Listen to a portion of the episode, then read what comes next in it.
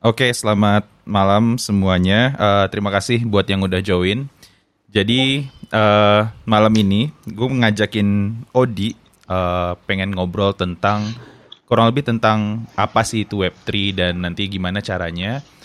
Intinya sebenarnya obrolan ini tentang bagaimana caranya kita tahu setelah kita tahu basic ini kita mau ngapain. Jadi misalkan kalau seandainya ada yang mau mulai invest, uh, tahu setelah ini mau ngapain atau ada yang setelah ini mau jadi developer, untuk Web3 tahu setelah ini bisa ngapain. Sebenarnya goalsnya cuma itu doang. Jadi cuma Siap. untuk nge-ignite uh, apa sih rasa ingin tahu aja asik. Jadi uh, thank you banget dia udah mau diajakin ngobrol. Of course, of course. Jadi sebelum ini kita sempat chat-chat dulu ya dia. Ini gimana nih? Ini beneran ya nih? Oh, mau tetap dilanjutin atau gimana? Tapi ya adalah LFG.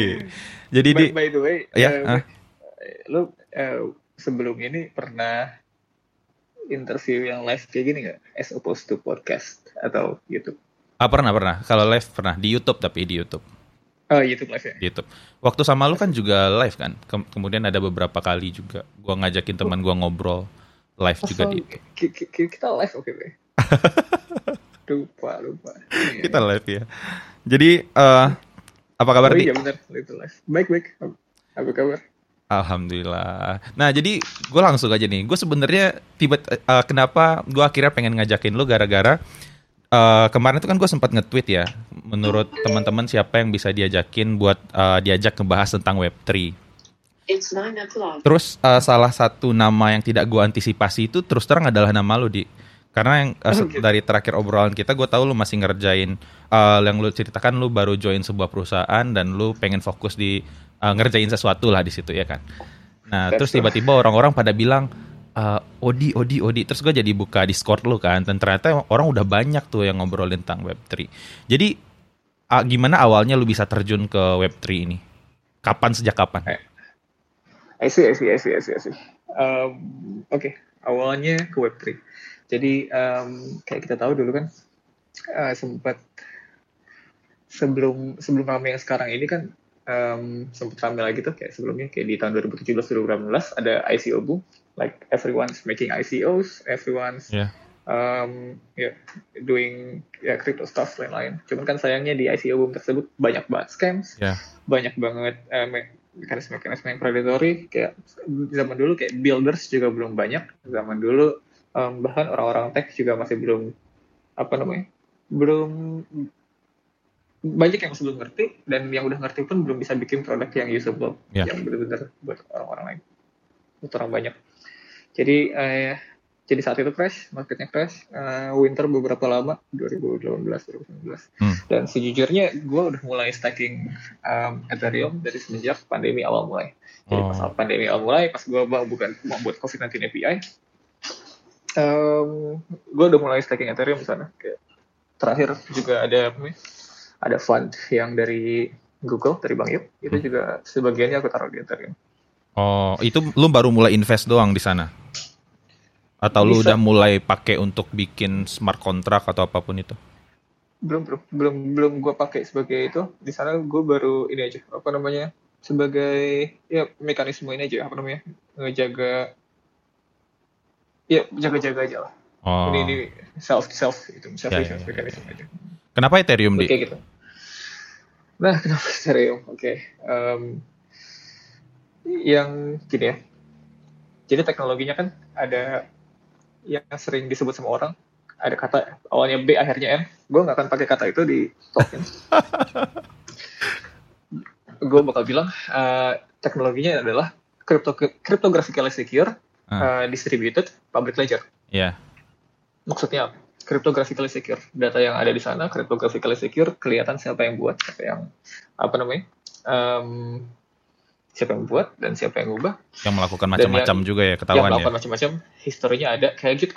Kalau misalnya kita udah punya Git history kan, ini kan uh, saya asumsikan di sini banyak kan programmers ya, audiens Indri. Kayak Git, kita udah punya uh, apa namanya, history Gitnya, itu kelihatan siapa yang commit, siapa yang itu, nggak bisa ditemper kayak kayak karena satu commit git berhubung ke git eh, ke hash commit selanjutnya. Ya ya ya. Commit ya. commit satu berhubungan commit selanjutnya. Ya gitu. Kriptografi secure yang bisa ngubah yang bisa yang bisa bikin commit sesuai sama uh, apa namanya ID orang tertentu yang, yang punya private key aja. Banget. Jadi kayak um, kayak SSH, kayak GPG, ya encryption lah basicnya. Jadi nggak uh, ada yang bisa melakukan operasi sebagai kita kalau dia nggak punya private key punya kita gitu kan. Itu uh, cryptography secure. Uh, distributed, distributed ini si database yang distributed kalau orang bilang decentralized dan decentralized ini uh, ini ya kayak maknanya agak fake fake itu apa ya? Maksudnya agak samar. Iya iya iya iya. Apa sih yang di decentralized gitu iya. desentralisasi kan um, mungkin orang-orang banyak yang mikir kayak oh desentralisasi power desentralisasi apa cuman ada ada ada beberapa layer of decentralization ada pertama architectural decentralization architectural itu ya, ya datanya disimpan data yang disimpan di berbagai macam komputer gitu. Yeah. Komputer-komputernya ada banyak gitu. Cuman ar cuman secara arsitektur decentralized gitu kan. Mm. Terus ada juga um, political decentralization kayak jumlah orang ya, atau ya, organisasi yang yang punya sebuah sistem itu siapa. Mm. Kayak kayak internet lain-lain kayak yeah, siapa yeah. yang punya. Dan juga kayak uh, atau misalnya struktur data yang decentralized gitu. Atau misalnya produk dibelah jadi dua apa sih? Misalnya cuma ada user doang sama um, provider doang apa masih bisa bekerja atau enggak dan aku sih uh, di sini kita ngomongin di architectural decentralization ya hmm. jadi maksudnya datanya tadi cryptographically secure uh, distributed datanya distributed ke data kalau misalnya pernah belajar apa sih um, parallel programming itu similar. Di datanya di berbagai macam node sekaligus. Yeah. dan tadi cryptographically secure jadi uh, aman. Dan satu lagi terakhir adalah public ledger. Jadi kayak ledger yang public. Ledger itu apa sih? Ledger itu cuman sebatas ini nih apa namanya? Catatan, catatan aja, ya. aja kan. Uh, jadi kalau misalnya kita balik lagi sedikit ke Bitcoin ya. Hmm. Bitcoin itu uh, gimana sih kayak ada istilah mining Bitcoin yeah. apa sih yang di mine gitu nggak nggak sebetulnya kayak nggak ada atom khusus Bitcoin atau uh, barang khusus Bitcoin itu nggak ada gitu jadi um, sejujurnya yang di mine adalah nyari hash yeah. nyari hash aja terus habis itu si penemu hash tersebut akan dimasukkan ke dalam public ledger. Dibilang bahwa oh si penemu hash ini dengan address sekian eh, kita kasih uh, reward satu bitcoin karena berhasil menemukan hash tersebut gitu. Dan cuman dicatat doang di public ledger dan semua orang bisa mengakses data tersebut kayak ketika aku akses data itu kayak Imre punya berapa uh, berapa token X gitu. Hmm. Oh Imre punya sekian token X. Ya tadi gitu, datanya public. Jadi ini kayak database yang public, distributed, dan cryptographically secure. Maksudnya jadi kayak nggak ada yang bisa temper dan kalau misalnya ada yang mau attack, misalnya mau temper, dia harus menyerang seluruh network yang distributed tadi. Yeah. Harus 51% attack. Gitu. Dan itu costnya gede banget ya? Dan itu costnya gede banget. jadi kayak um, invisible, bukan bukan bukan invisible nggak kelihatan ya, invisible kayak nggak nggak visible. Ya ya ya ya. Um, gitu. Dan, dan aku kenapa ke Ethereum? Karena Ethereum itu kan Bitcoin tadi ya, Bitcoin kayak yeah. gitu. Ethereum selain ada public ledger-nya aja, public ledger selain public ledger-nya bisa dibuat transaksi kayak tukar-tukaran um, kayak transaksi tadi kayak hmm. Imre punya sekian token, sekarang dikirim ke Odi sekian gitu. Selain bisa kayak tukar-tukaran currency, Ethereum juga bisa melakukan komputasi EVM. Jadi uh, ada Ethereum Virtual Machine, dia basically bisa ngejalanin programs. Computation oh. computation sederhana. Kayak kalau tadi Bitcoin itu uh, cuma bisa transaksi, ini bisa transaksinya secara apa ya? Transaksi yang bisa diprogram. Jadi yeah, kayak, yeah, yeah, yeah. Uh, bayangin kayak kalau uang bisa diprogram gitu. Kayak It, itu yang uh, yang lu refer itu yang smart contract itu ya? Betul ya, betul ya. Jadi uh, program-program yang berjalan di Ethereum Virtual uh, Machine itu namanya smart contracts. Ya ya. ya. Jadi gue kan kemarin lagi nyoba-nyobain hmm. tuh uh, yang di build space itu kan ada ngoding uh, apa sih aplikasi pakai uh, Solidity ya. Jadi yes, yes, jadi yes. di situ ada konsep yang menarik. Jadi dia bilang bahwa hmm. smart uh, kayak dia ngajarin lah gimana caranya ngoding smart contract dan segala macam. Tapi ada satu hal yang um, menjadi pertanyaan di pikiran gue. Jadi dia bilang bahwa kita tuh bisa naruh fund ke smart contractnya. Ya nggak sih? Betul. Nah, itu Betul, ya? itu gimana sih maksudnya? Buat apa kita naruh fund di smart contract itu? Pertanyaannya gue masih bingung di situ. Buat apa kita naruh duit di situ? Oke, okay, oke. Okay. Jadi smart contract sendiri kan sebenarnya cuma aplikasi yang jalan aja gitu ya. Iya. Yeah. Dan dia punya address sendiri juga di Ethereum. Yeah, betul. Jadi kayak selain jadi ada address itu ada dua, ada yang dipunyai semua orang, ada yang dipunyai sama smart contract. Gitu kan. Dan kalau misalnya orang mau interaksi sama smart contract misalnya um, smart contract untuk uh, minting NFT gitu ya, hmm. ya. Mungkin yeah. NFT ini panjang lagi ceritanya. Kita kalau sempat kita bahas. Cuman uh, anggap uh, smart contract buat minting NFT kita um, ada transaksi antara si kreator sama uh, yang mau beli gitu. Yeah. Uh, yang mau beli NFT dia mau ngasih uh, uangnya tuh nggak ke kreatornya langsung, tapi dia ngasih ke mesin tadi, kayak oh. kirim ke si smart contractnya smart contractnya bakal ngelihat kayak oh jumlahnya sesuai, oh masih bisa di mute, oh masih bisa ini ntar smart contractnya bakal ketika transaksi yang sukses si smart contractnya bakal ngasih ke um, usernya tadi kayak tokennya yang mau dibeli tadi yeah. dan si fundnya tadi disimpan sementara di situ sampai nanti akhirnya fungsi withdraw dipanggil. Gitu. Oh, I see. Jadi, Jadi ujung-ujungnya di withdraw juga ke yang creatornya ya? Betul ya, betul. Oh. bisa di withdraw bisa enggak. Emang kalau di Bitcoin itu nggak bisa ya, Di? Di Bitcoin itu nggak bisa ngelakuin program. Hmm. Gak ada smart contract di Bitcoin. I see, I see, I see, I see. Hmm. Nah, transaksinya terbatas di transaksi jual uh, beli uh, Bitcoin itu doang sama, ya. Sama uh, transfer transfer token.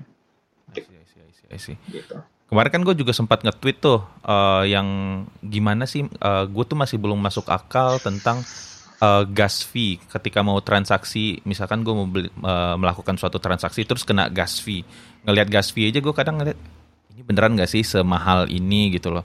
Nah itu apakah hal yang wajar atau menurut lo gimana di? Oke, okay. um, tahun lalu like literally tahun persis ini gas sih masih rendah banget. Yeah. Gak nyampai kayak sekarang tuh rata-rata 100 kue ke atas. Dulu dulu kecil banget. Kayak aku pas pas lagi uh, awal tahun ini juga sempat swapping swapping di Swap juga kecil banget. Mm. Uh, gas fee itu gini gini kita balik lagi ke uh, ini kan web 3 ini ya hmm. ya aku pengen balik lagi sedikit ke uh, web 2 web 2 itu apa uh, jadi sejujurnya mereka kayak kemarin tuh gue baru share uh, di Niaga Hoster. Mungkin ada teman-teman yang sempat di Niaga Hoster. Yeah. ya, ikut ikut aku ke Niaga Hoster. Ada yang ikut nggak? Ada. Kalau saya ada. Ya, kalau ada coba wave kasih emoji. react, ya. ya react atau apa pun lah. Terus ntar ya. Jadi kita balik ke uh, web, web itu dulu sedikit. Jadi kemarin uh, gue sebenarnya gue nge-share tentang web 3 juga. Kayak um, gue, gue share di sini linknya. Bisa share link kasih? Gak bisa kayaknya. Oh, oke. Okay. Agak, agak Nanti di itunya aja di tweet gue aja lu reply. Gampang. Oke. Okay. Um, kalau gitu bahas sedikit ya. Kayak yeah. sorry ngambil waktu ya, tapi gue pengen bahas dari web 1 sedikit. Terus web 2 sedikit lagi itu baru Mm-hmm. Jadi um, previously adalah kayak web itu uh, teknologi yang selalu evolving. Kayak kayak teknologi ya teknologi masalah evolving jelas. Mm. Cuman uh, di web benar-benar kerasa signifikan perubahan. Um, tahun kayak kayak gue buka lagi sama kayak kayak kemarin gue di Nicoster, um, gue sempat nanya ke buka gue kayak um, gue lupa di ulang tahun beliau yang keberapa gitu. Gue nanya kayak 10 tahun lalu kebayang nggak kita akan ada di posisi kayak gini secara teknologi? Dia bilang nggak kebayang sama sekali. Yeah. kayak dia bilang kayak nggak um, nggak tahu sama sekali bisa sampai kayak gini smartphone bisa aplikasi secanggih ini. Aplikasi-aplikasi kayak uh, ngebantu banget segala macam dan sekarang dia tergantungan sama banyak hal eh, eh, secara teknologi gitu loh kayak Gojek lah lain ya kebayang sama sekali. Dan terus gue tanya lagi kayak kalau misalnya 10 tahun lalu kebayang nggak sama 10 tahunnya 10 tahun sebelumnya lagi gitu kayak tahun 90-an pas uh, saya masih kecil gitu. Hmm. kebayang nggak uh, sekarang kayak gini? Enggak sama sekali juga nggak kebayang juga. Kayak dulu ada perkembangan perkembangan teknologi mungkin kayak um, broadband versus CDMA mungkin. Terus kayak dia bertaruh kayak oh CDMA bukan bertaruh bener ya cuman kayak dia mikir kayak CDMA bakal berjaya tapi enggak ternyata yeah. bener yang berjaya si broadband dan lain-lain. Sekarang ada di 5G iya yeah, betul. Padahal dia adalah kayak ya orang teknikal banget. Dia kerja di Telkom dulu. Iya. Yeah. udah enggak sekarang. Terus ya bener gak kebayang aja uh, posisinya sekarang. Dan um, di sini aku pengen iterate lagi bahwa kayak Web3 yang ada sekarang ini juga bukan berarti bakal jadi definite future. Ini mungkin ini cuma salah satu possibility aja. Yang sekarang lagi in yang sekarang yang sekarang lagi menurut gua personal nge ngebawa sesuatu yang baru banget yeah. secara konsep gitu. Iya, yeah, iya. Yeah. Jadi kita balik lagi ke Web 1 ya sedikit ya. Web 1 itu 90-an sampai tahun 2000-an kayak eh, orang-orang yang partisipan di Web 1 kayak eh, orang-orang yang uh, buka internet, buka Web 1 ya cuman consumer doang gitu loh kayak uh, kayak dulu saya cuma buka website cuma baca doang kayak websitenya Space Jam websitenya apa cuma lihat doang hmm. dan yang buat yang bisa buat di sana hanya developers yang canggih atau misalnya corporations yang udah punya resource-nya gitu loh iya yeah, betul. Kayak kayak untuk bikin untuk bikin fast kayak bahkan untuk simple upload foto. Web one nggak bisa. Yeah. kita harus manage servernya sendiri kita harus manage uh, semua infrastruktur sendiri. Ya berat lah. Dulu juga uh, apa namanya konten juga cuma static HTML static doang. Iya betul. Dan bahkan nggak pakai database dulu hmm. kayak bener-bener static konten halaman HTML it's done it's a web website. Dan ini um, beberapa orang bilangnya ini adalah read only web gitu ya atas nama Rabbit bahkan kayak orang lain mungkin yang bilang ini atas siapa? Selanjutnya uh, web 2 web 2 um, kalau tadi web 1 itu selesai di 2004an kayak kalau gue sih sendiri lebih suka ngomongnya di 2008an ya. 2008 iPhone. Dan it's a whole new world from there. Kayak benar-benar apps benar-benar semua website juga bikin jadi interaktif. Iya betul. Um, ini current form sekarang kita di, di web 2 iya. Interaktif and social web benar-benar segampang itu untuk sebagai untuk berpartisipasi uh, jadi kreator nggak perlu lagi jadi developer. Semua orang bisa upload foto gampang. Upload yeah. video gampang. Mau bikin kayak ada pikiran kayak pikiran simple tweet gampang. Ya kita, kita bikin, bikin live uh, Twitter Space aja sekarang yeah. gampang ya exactly kita mau bikin video yang ditonton sama jutaan orang gampang nggak kebayang sama sekali di web one iya yeah, iya yeah. web, web itu tuh simple banget uh, simple banget dan kayak karena simple bangetnya orang-orang jadi creator oke okay banget cuman ada ada kelemahan kelemahannya apa? Satu, uh, pertama, simple ini dari mana datangnya? Simple ini datang dari uh, corporations yang bikin, yeah. gitu. Uh, corporations yang bikin itu um, gini kan di pertama dia pengen nyari user sebaik banyak dari awal kayak, kayak misalnya um, YouTube. Itu pengen awal-awalnya nggak perlu nggak peduli sama monetisasi yang mereka peduli adalah growth sama ngelok user baru gitu ya. Mm-hmm. masukin orang-orang baru. Jadi awalnya tuh bener-bener creator minded banget kayak creator didewakan. Kayak bener-bener uh, di, jadi rajanya kreator yang pokoknya orang-orang yang baru masuk di, di jadi rajanya. Yeah. cuman makin lama kan um, apa namanya mereka harus turn profit juga karena mereka harus turn profit karena tadi di web one yang tadi harus di manage manual sekarang ada centralized thing entity yang manage itu semua Hmm, yeah, kayak yeah. yang tadinya di manage sama setiap orang sendiri masing-masing sekarang di manage sama satu entitas besar misalnya Facebook. Facebook yang manage storage, Facebook yang manage database dan itu it, it comes at a cost. Yeah, yeah, gitu yeah. Dan semakin banyak usernya tadi ya semakin butuh semakin banyak costnya juga gitu loh.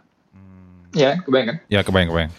Nah, um, dan untuk itu semua juga kayak mereka gimana caranya kayak dapetin orang sebanyak itu tanpa uh, apa namanya uh, ya tanpa tanpa apa pun gitu orang mereka harus mendatangkan investor misalnya gitu.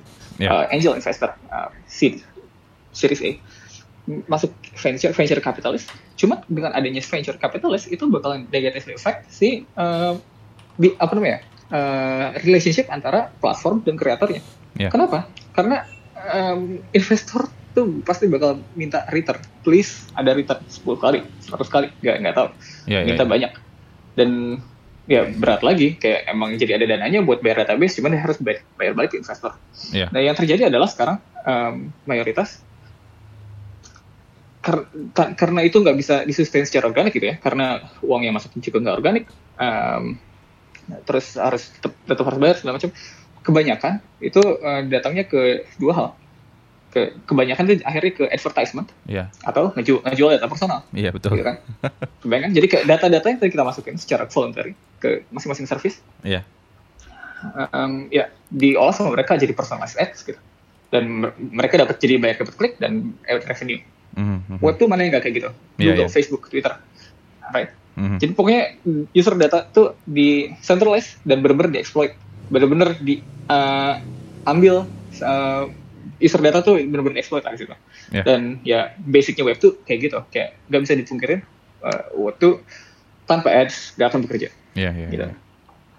Um, yang pasti di web tuh kita nggak bisa nggak punya kontrol uh, data yang kita punya sekarang dan gimana store-nya kayak bahkan banyak service yang naruh plain text password yeah. kita nggak tahu. Karena it's it's centralized it's eh, kita, percaya aja sama sama company sama semua thing sana. Kita percaya dan, sampai mereka kebocoran data. Exactly. Dan mereka juga bakal nge-track kita kayak di mana pun kita berada bahkan um, yeah. tanpa user consent. Terus kayak dan yang yang menggalikan adalah kayak data-data tersebut ter, terperangkap di masing-masing server. Mm-hmm. gitu loh. Kayak data kita di Google kita udah masukin data alamat kita udah masukin data um, kita siapa kita siapa kayak gimana ketika kita login ke Twitter nggak ada data data tersebut hmm, data yeah. tersebut adanya hanya di Google yeah. dan mereka compete buat data tersebut dan kita kalau misalnya kita mau dapat pelayanan yang bagus ya kita harus masukin lagi data-data tersebut gitu loh kita yeah, harus yeah. Uh, ya apa namanya dan kita percayain lagi ke mereka untuk untuk diolah sama mereka jadi apa pun dijual jadi apa pun segala macam kayak gitu yeah. dan the, the thing is data yang kayak gitu um, itu bisa banget di bobol, dijebol, dan bahkan bukan sama orang jahat aja, bahkan sama government. Bayangin kalau misalnya teman-teman kita yang kerja di uh, media, kayak um, karena mereka harus kritis terhadap pemerintah, kayak lo sekarang, Anjir, lo jangan bawa-bawa ya. itulah. gue gue gue harus bawa, harus bawa.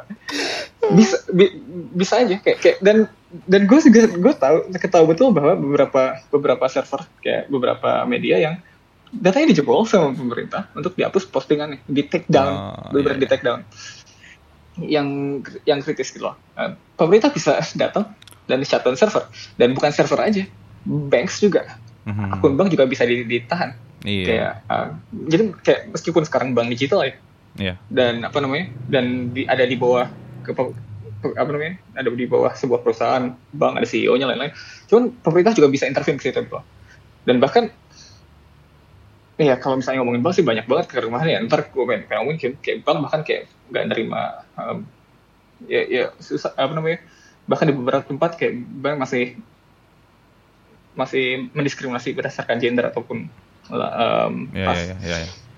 It sucks.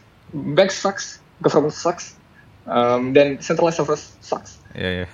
nah, Web3 kayak uh, pengen um, nge-solve banyak yang banyak kekurangan-kekurangan ini dengan hmm. kayak nge, nge, nge arsitektur nge arsitek ulang kayak gimana cara kita pakai uh, services dan pakai internet gitu. Iya. Yeah. Um,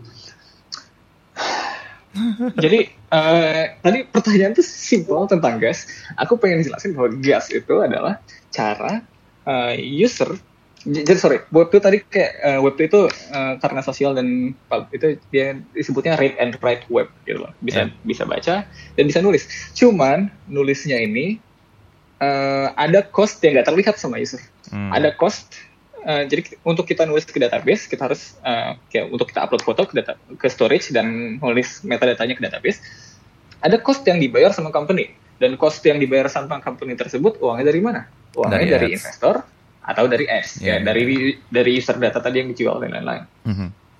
Sementara di Web3 nggak kayak gitu lagi. Karena uh, sekarang database-nya tadi yang gue bilang cryptographically secure, uh, distributed, public ledger. Sekarang database-nya open source, bukan open source ya, open database. Mm. Kayak kalau misalnya kita sering lihat open source software gitu, ini database yang benar-benar open gitu. Kayak database-nya ada buat public, semua orang bisa akses, semua orang bisa modify. Dan cuman ada cost-nya jadi kayak um, untuk baca dari dari uh, database gratis. gratis. Yeah. Kayak nggak ada nggak ada itunya. Cuman untuk kita melakukan operasi uh, komputasi, melakukan uh, menulis ke uh, database itu ya ada cost ada cost yang intrinsik ke situ. Yeah, yeah, yeah. Yang tadinya tadinya dibayar oleh si um, centralized entities tadi, sekarang dibebankan ke end user. End user ketika melakukan transaksi yang melakukan write ke database akan dibebankan gas fee gitu loh. Hmm. Jadi uh, gas fee itu buat apa ya buat itu. Gas yeah, dan yeah. gas fee ini nggak nggak masuk ke platform mana pun. Gas fee ini benar-benar langsung masuk ke uh, sekarang ke miner, ke miner. gitu loh. Oke. Okay. Uh, jadi miner yang lakukan komputasi dia bakal ngambil gas fee tadi. Gue punya gitu, pertanyaan. Okay. Jadinya kalau bisa nggak sih, apakah memungkinkan misalkan tadi kan Web2 itu hidup dari investor, terus ada uh, dari ads juga. Misalkan nih ada investor, dia bilang, eh ini daripada lu ngecharge user, mending ini duit investor gue kasih ke lu untuk bayarin minernya. sorry sorry gimana? Gua, Jadi misalkan gini kan tadi uh, semua misalkan di web tuh lu nulis ke database tuh bayar D dan tadi uangnya dari mana ya yeah. uang investor dan uang dari pem, uh, ads misalkan gitu kan. Tapi mungkin nggak sih di dunia web 3 misalkan gini ada uh, misalkan ada yeah, sebuah yeah. Uh, website lah yang udah emang pakai sistem uh, Ethereum atau apa pun itu yang emang blockchain gitu. Terus ada investor nih yang invest ke perusahaan tersebut. Eh daripada lu nge, ini gua kasih lu duit misalkan satu juta dolar daripada lu nanti ngecharge user lu untuk uh, biaya gas fee-nya, mending lu aja yang bayarin gas fee-nya ke miner-miner. Mungkin nggak kayak gitu? Tapi kan jadinya karena kan gue mikirnya gini dari perspektif orang yang biasa pakai web tuh kan kok aneh sih kok gue harus ngirim chat doang gue harus bayar gas fee gitu loh Terus kalau gue mau melakukan sesuatu, gue harus bayar gas kan itu perubahan cara berpikirnya kan lumayan ini ya, lumayan berasa ya dari orang yang suka-suka pakai Google buat ngeser sesuatu, terus sekarang gue mau ngeser sesuatu, terus gue harus bayar gas fee. Nah itu kan ada sesuatu tuh apa yang berubah. Itu gimana kalau menurut lu? Oke okay, oke, okay. gini, Bre, pelan-pelan Bre, karena pertanyaannya terdengar simpel, terdengar cuma satu kalimat, cuman sebenarnya banyak banget uh, kompleks di sini. Iya. Yeah. Uh, gue address mungkin satu-satu kayak chat chat itu aplikasi yang um, menurut gue gak cocok di Web3 jadi ah, iya. um, kayak kayak oh, ini lagi ya uh, iterate lagi bahwa Web3 ini juga ini ini tool dan seperti kebanyakan tool di teknologi kita mesti pakai di mana itu appropriate. Hmm. Chat bukan nggak nggak appropriate buat pakai Web3. Yeah, yeah. Kayak, Tapi ada yang bikin kan? kan?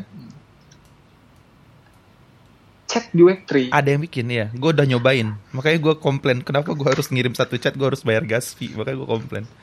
I, I see, I see. Boleh share linknya nanti. Cuman kalau ya, gue gue sempat lihat juga ada yang chat pakai ini apa namanya chat pakai ENS address. Cuman dia sebenarnya off chain. Dia nggak uh, chat chatnya nggak ditaruh ke itu. I see. Jadi jadi yang gue pernah lihat tuh ini chat by NFT collection. Jadi kita punya NFT collection tertentu. Ntar kita bakal masuk grup chat yang sesuai sama yang kita punya gitu. Tapi itu semuanya chatnya off chain kan, kan di on chain. Yeah. Karena chat kan butuh cepat, butuh eh butuh real time, butuh itu bener-bener nggak nggak visible aja buat di Web3 sekarang. Okay, Terus okay. tadi pertanyaannya apa? Kalau misalnya ada company, ada investor, yeah, ada investor company, buat biar deh gua aja nih yang nutupin gas fee supaya user-user lu mau pakai platform Web3 lu, misalkan kayak gitu. Itu itu bener-bener apa ya square circle mereka kayak kayak um, ketika ada investor dan si company tersebut yang ngebayar itu bukan Web3 lagi lah. Oh. Kayak, gini gini. Ya ya ya. ya. Interface-nya gimana? User uh, berarti dia manggil API-nya. Si oh karena dia tersebut. udah langsung connect ke masing-masing wallet ya. Makanya nggak bisa. Betul. Uh... Be betul. Di di Web3 itu setiap user, setiap di bahkan dari client side kita nggak lagi manggil API tertentu, right? Hmm. Kita um, kalau biasanya kita di ini ya bedanya jadi the biggest change di full stack development tuh kalau hmm. misalnya di Web3 yang gue lihat, yang gue rasakan, yang tadinya full stack itu adalah uh, back end dan front end, gitu. Yeah. Sekarang full stack itu uh, smart contract and front end. Iya yeah, iya yeah, iya. Yeah, yeah. Gitu. Dan dan back end mungkin masih ada untuk beberapa kasus kayak mungkin uh, manggil API buat melihat whitelisting, melihat um, API buat I don't know uh, some some things. Cuman di sini backendnya belum diubah. Yang tadinya kita untuk untuk ambil data dan menulis data, kita manggil API pakai fetch atau SHR dan kita apa namanya ngambil JSON atau ngirim JSON gitu. Kita nggak pakai itu lagi sekarang. Kita benar-benar connectnya langsung ke um, si public database tadi. Yeah. Dan, um, dan itu pakai beberapa service sih. Servicenya misalnya kayak ada Alchemy, ada Infura. Yeah. Tapi itu yang pasti dia pakai RPC. Hmm. Gitu. Pakai RPC dan uh, jadi dari client side langsung terhubung sama smart contract smart contract yang ada gitu. Oke.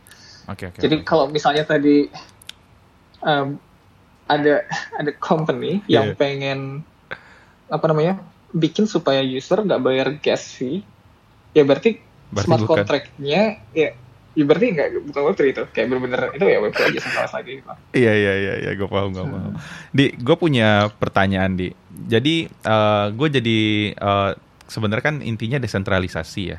Cuman kemarin gue sempat ngobrol, ada yang bilang bahwa sebenarnya desentralisasi itu sama sekali nggak mungkin.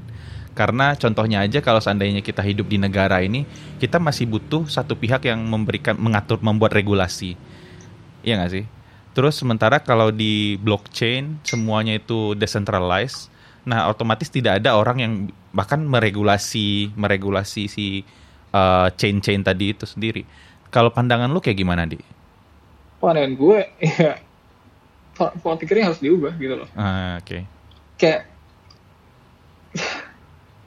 hal-hal ya di dunia ini hampir semuanya cuma konsensus aja.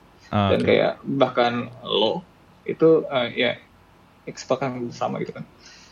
Ini kalau misalnya dibilang um, unregulatable juga enggak. Kayak sebenarnya bisa juga dibuat aturan yang off chain dari buat buat apa namanya buat hal-hal di Web3 dan kayak bahkan sistem pajak juga bisa aja. Di, di US sudah jalan kayak gitu. Uh, si penghitung pajaknya udah bisa mengakses ke blockchain.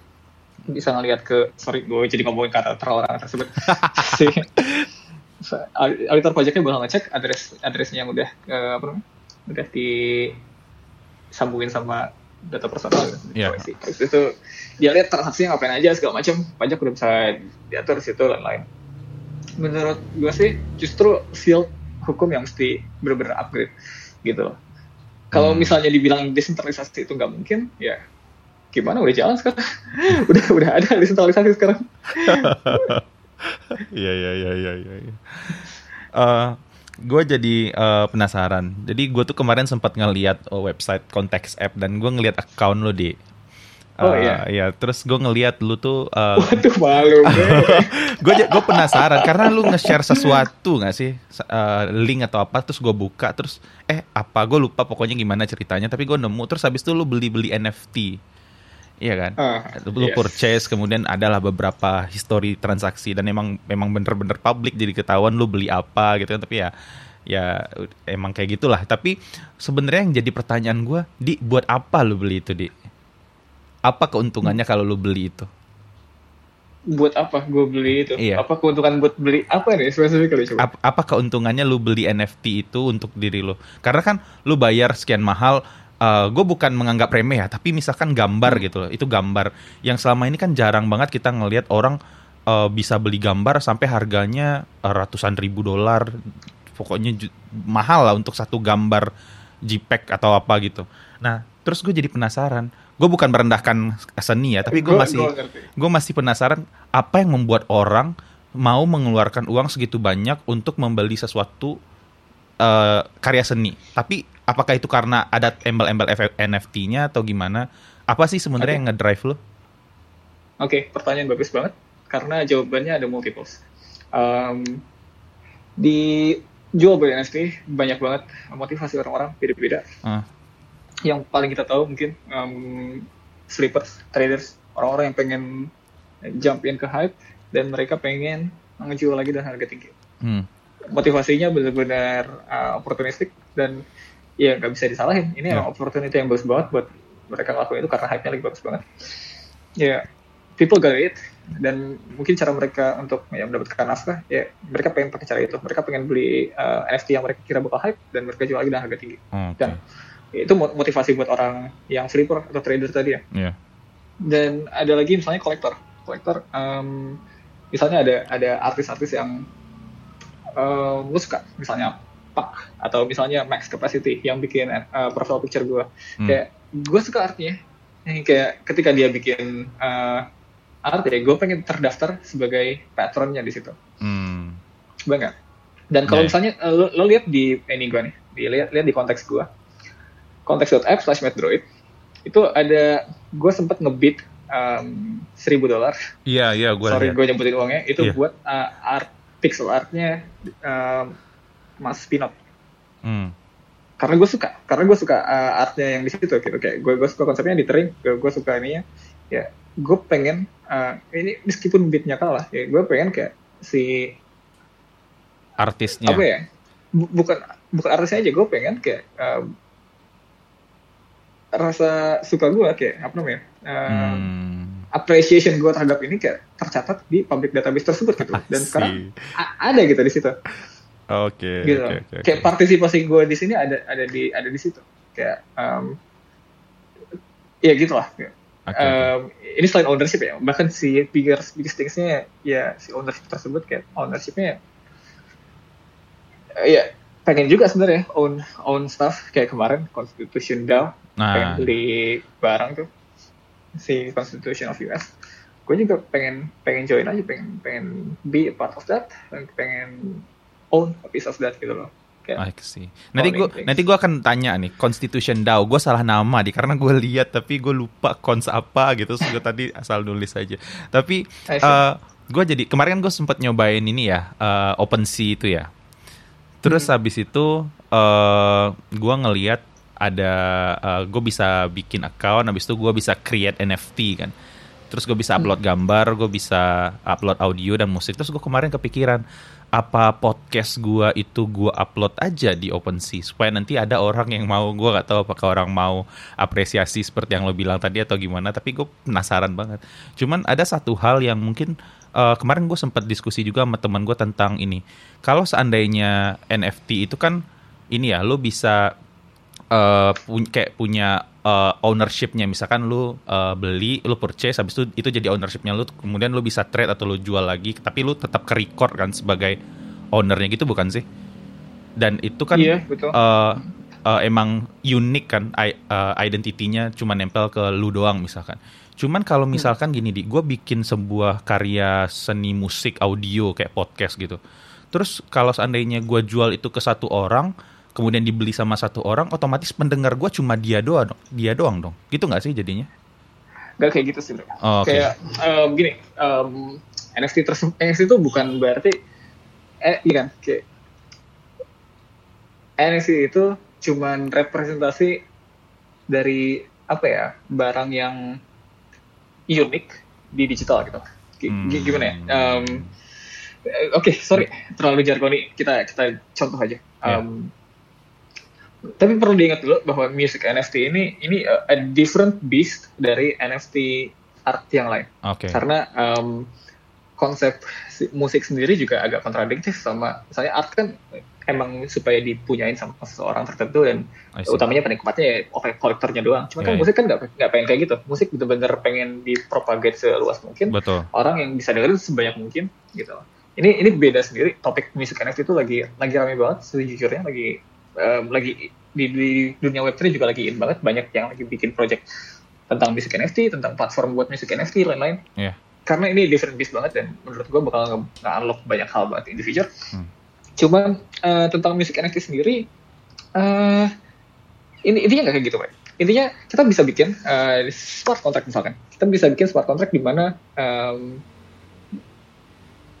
gini, ulangin. Balik lagi ke NFT dulu sedikit. Jadi di NFT di NFT sendiri ada uh, konsep namanya royalty.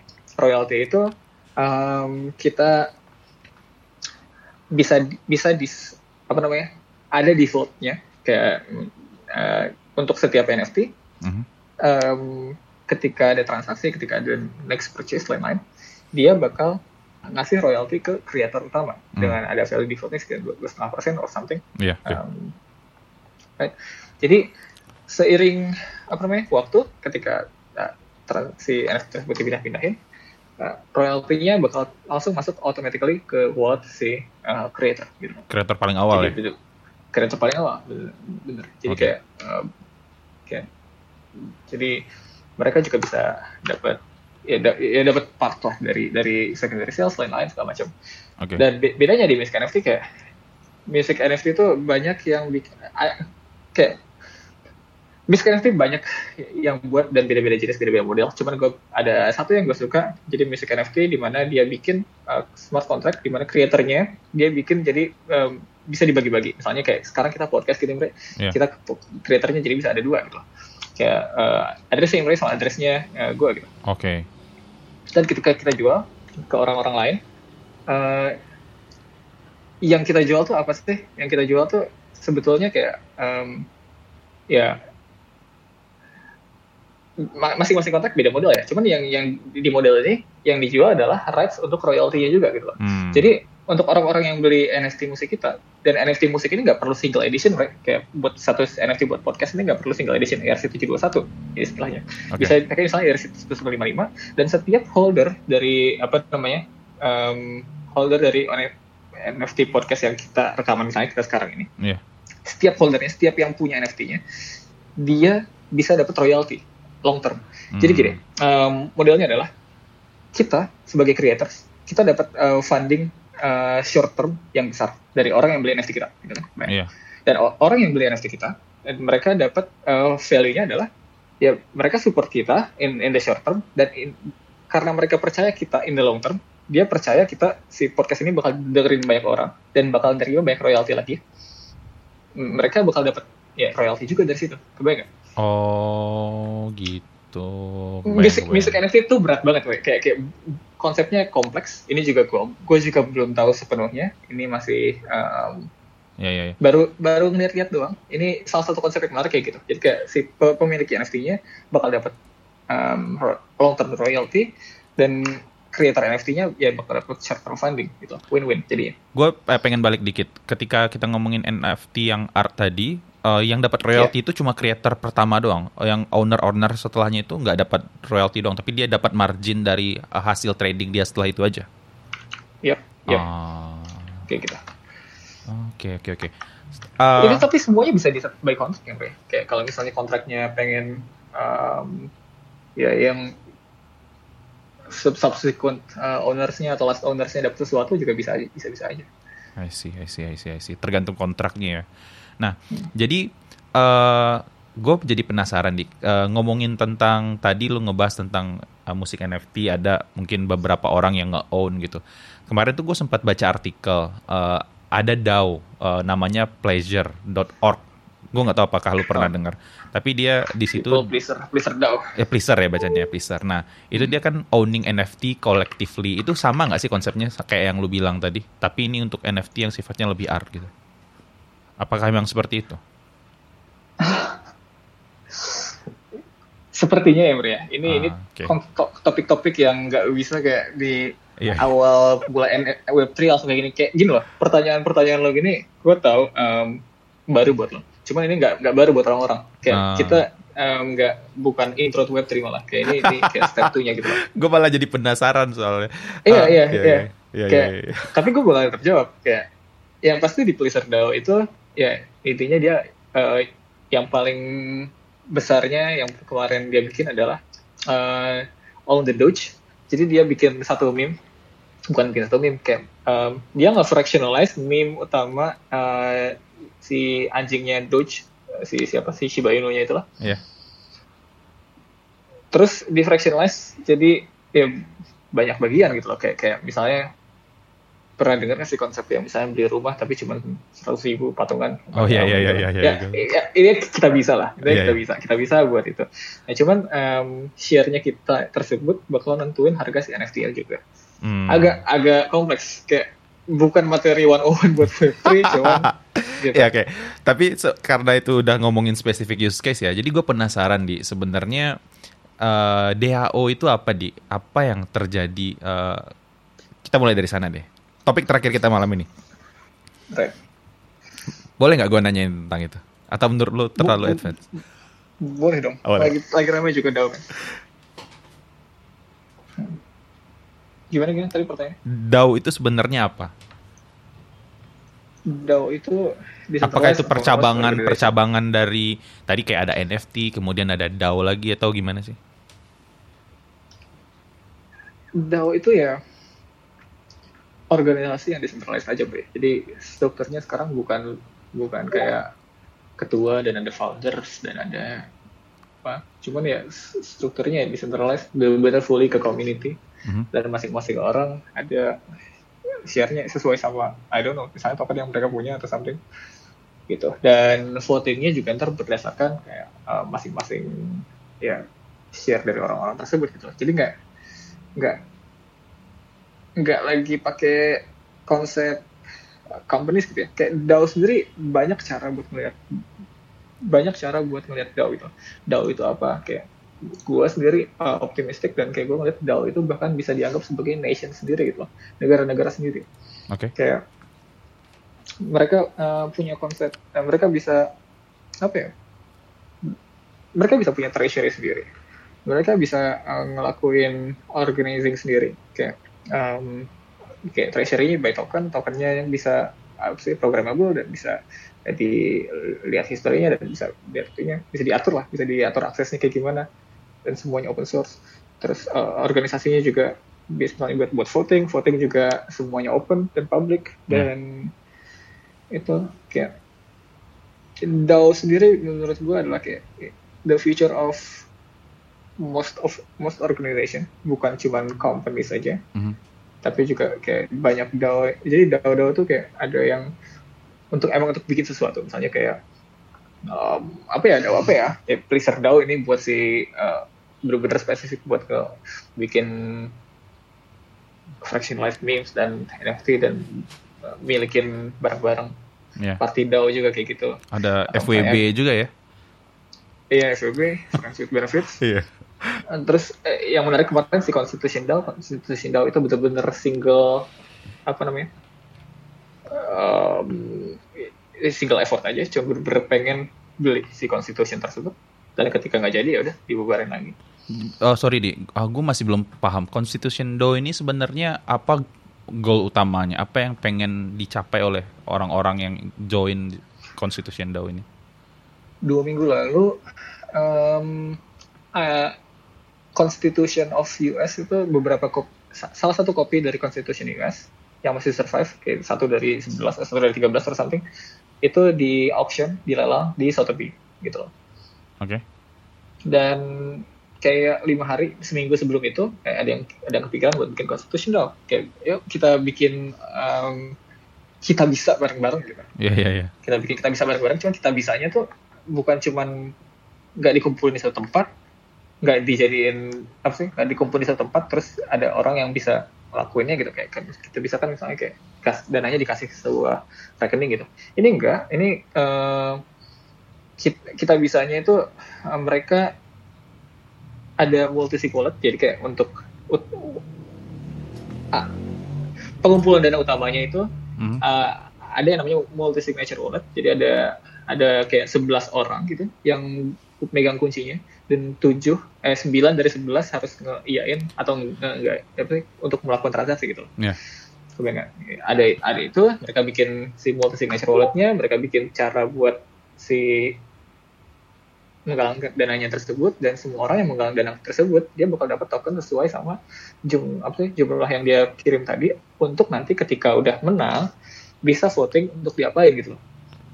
Oh, oke. Okay, okay. Mau diapain si yang ketika dapat um, ya udah tujuannya sih pengen itu aja pengen beli constitution tersebut dan ketika udah dapat ya bakal di vote mau ngapain cuman kan Oh, apa namanya? gitu. Ya, bisa aja dibakar, bisa aja di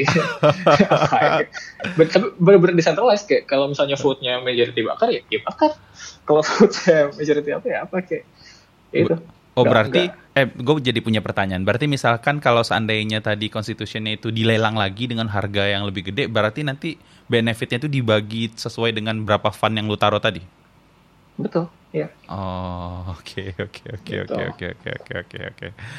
Oh, uh, gue punya pertanyaan di, gimana caranya join DAO itu di?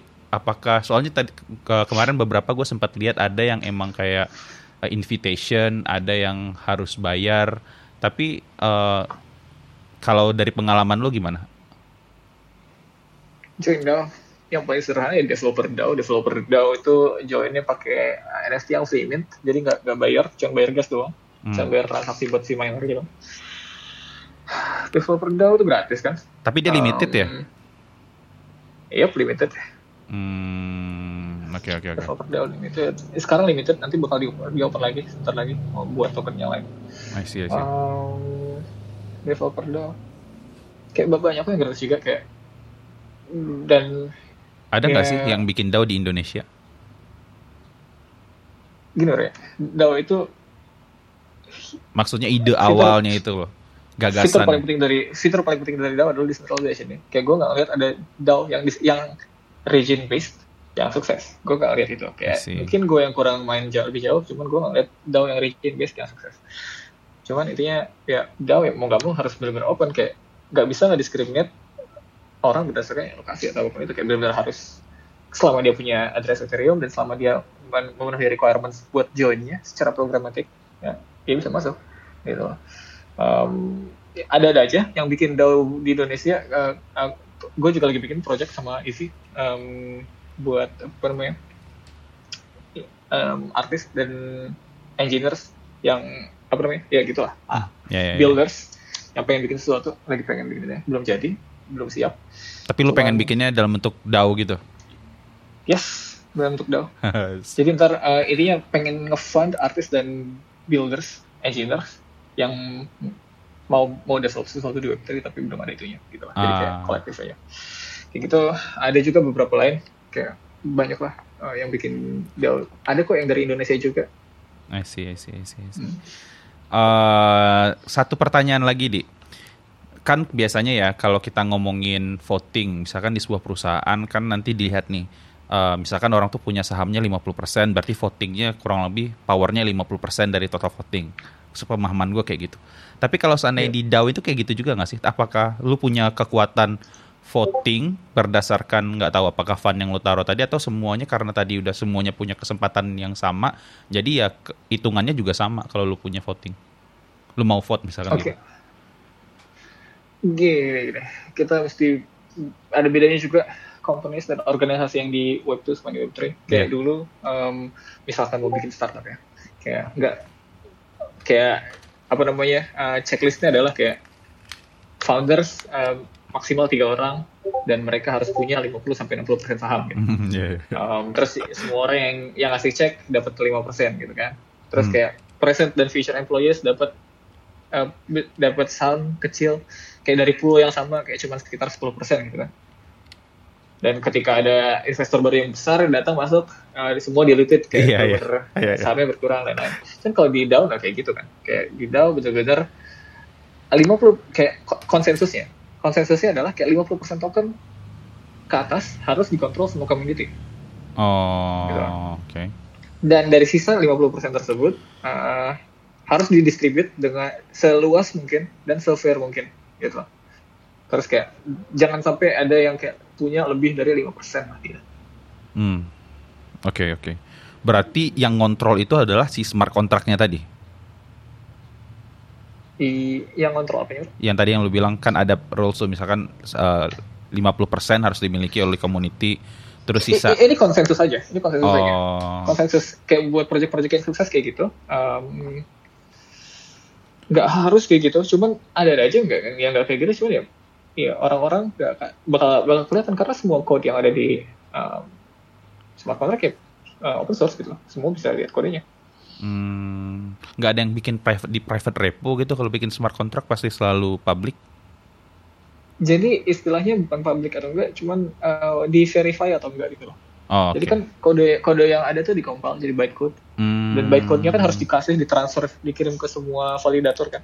Iya, iya. Mau nggak yeah. mau kodenya open source gitu loh. Oh, maksudnya open source dalam hal nggak, nggak, gitu. nggak ada lagi private repo karena kodenya nggak jalan di centralized source. Kita nggak memegang kode kita. Iya, kodenya yeah, yeah, jalan yeah, yeah, di yeah, yeah, yeah. Uh, ribuan validator. Di, gue punya satu pertanyaan. Uh, pertanyaan gue, uh, jadi kan gue lagi nyoba-nyobain tuh kemarin. Terus uh, ketika gue ngedeploy satu smart contract, itu kan punya address yes. baru. Terus habis yep. itu misalkan nih, gue udah jalan segala macam, terus ternyata di situ fundnya udah gede nih, katakan ya uh, berhasil lah smart contract itu. Terus gue pengen hmm. ngupdate, ternyata dia bikin address baru. Itu kan hmm. totally different thing ya. Itu Betul. gimana caranya? Sementara kalau sekarang kita ngomongin web tuh, lu bisa upgrade aplikasi lu V1, V2, V3 dan itu tetap facebook.com, tetap twitter.com. Nah, kalau di Betul. web 3 ini gimana sih? Betul. Um, kalau di web 3 kalau bisa um, jadi ada konsensus juga buat programmingnya juga kayak setiap smart contract itu ada kegunaannya masing-masing. Jadi kayak ada smart misalnya smart contract yang buat minting NFT-nya aja sama smart contract yang buat renderingnya aja gitu loh. Hmm. Tapi ntar dihubungin dari jadi ntar si smart contract yang minting bakal kita kita bisa set uh, kita bisa kasih function buat ngeset kayak address uh, kontrak buat rendering gitu. Jadi ketika kita mau ganti fungsi renderingnya, kita tinggal update kontrak yang renderingnya, terus alamatnya kita ganti di kontrak yang pertama tadi. Oh, oh iya, Jadi iya, iya. Um, menurut gua ini sebetulnya bukan bug, tapi itu adalah feature dari uh, immutability di uh, si Ethereum virtual machine tadi di event tadi gitu. Oke. Okay, itu okay. feature kayak orang nggak bisa. Jadi andai kan gini bre kayak uh, lo bikin smart contract buat bank gitu yeah.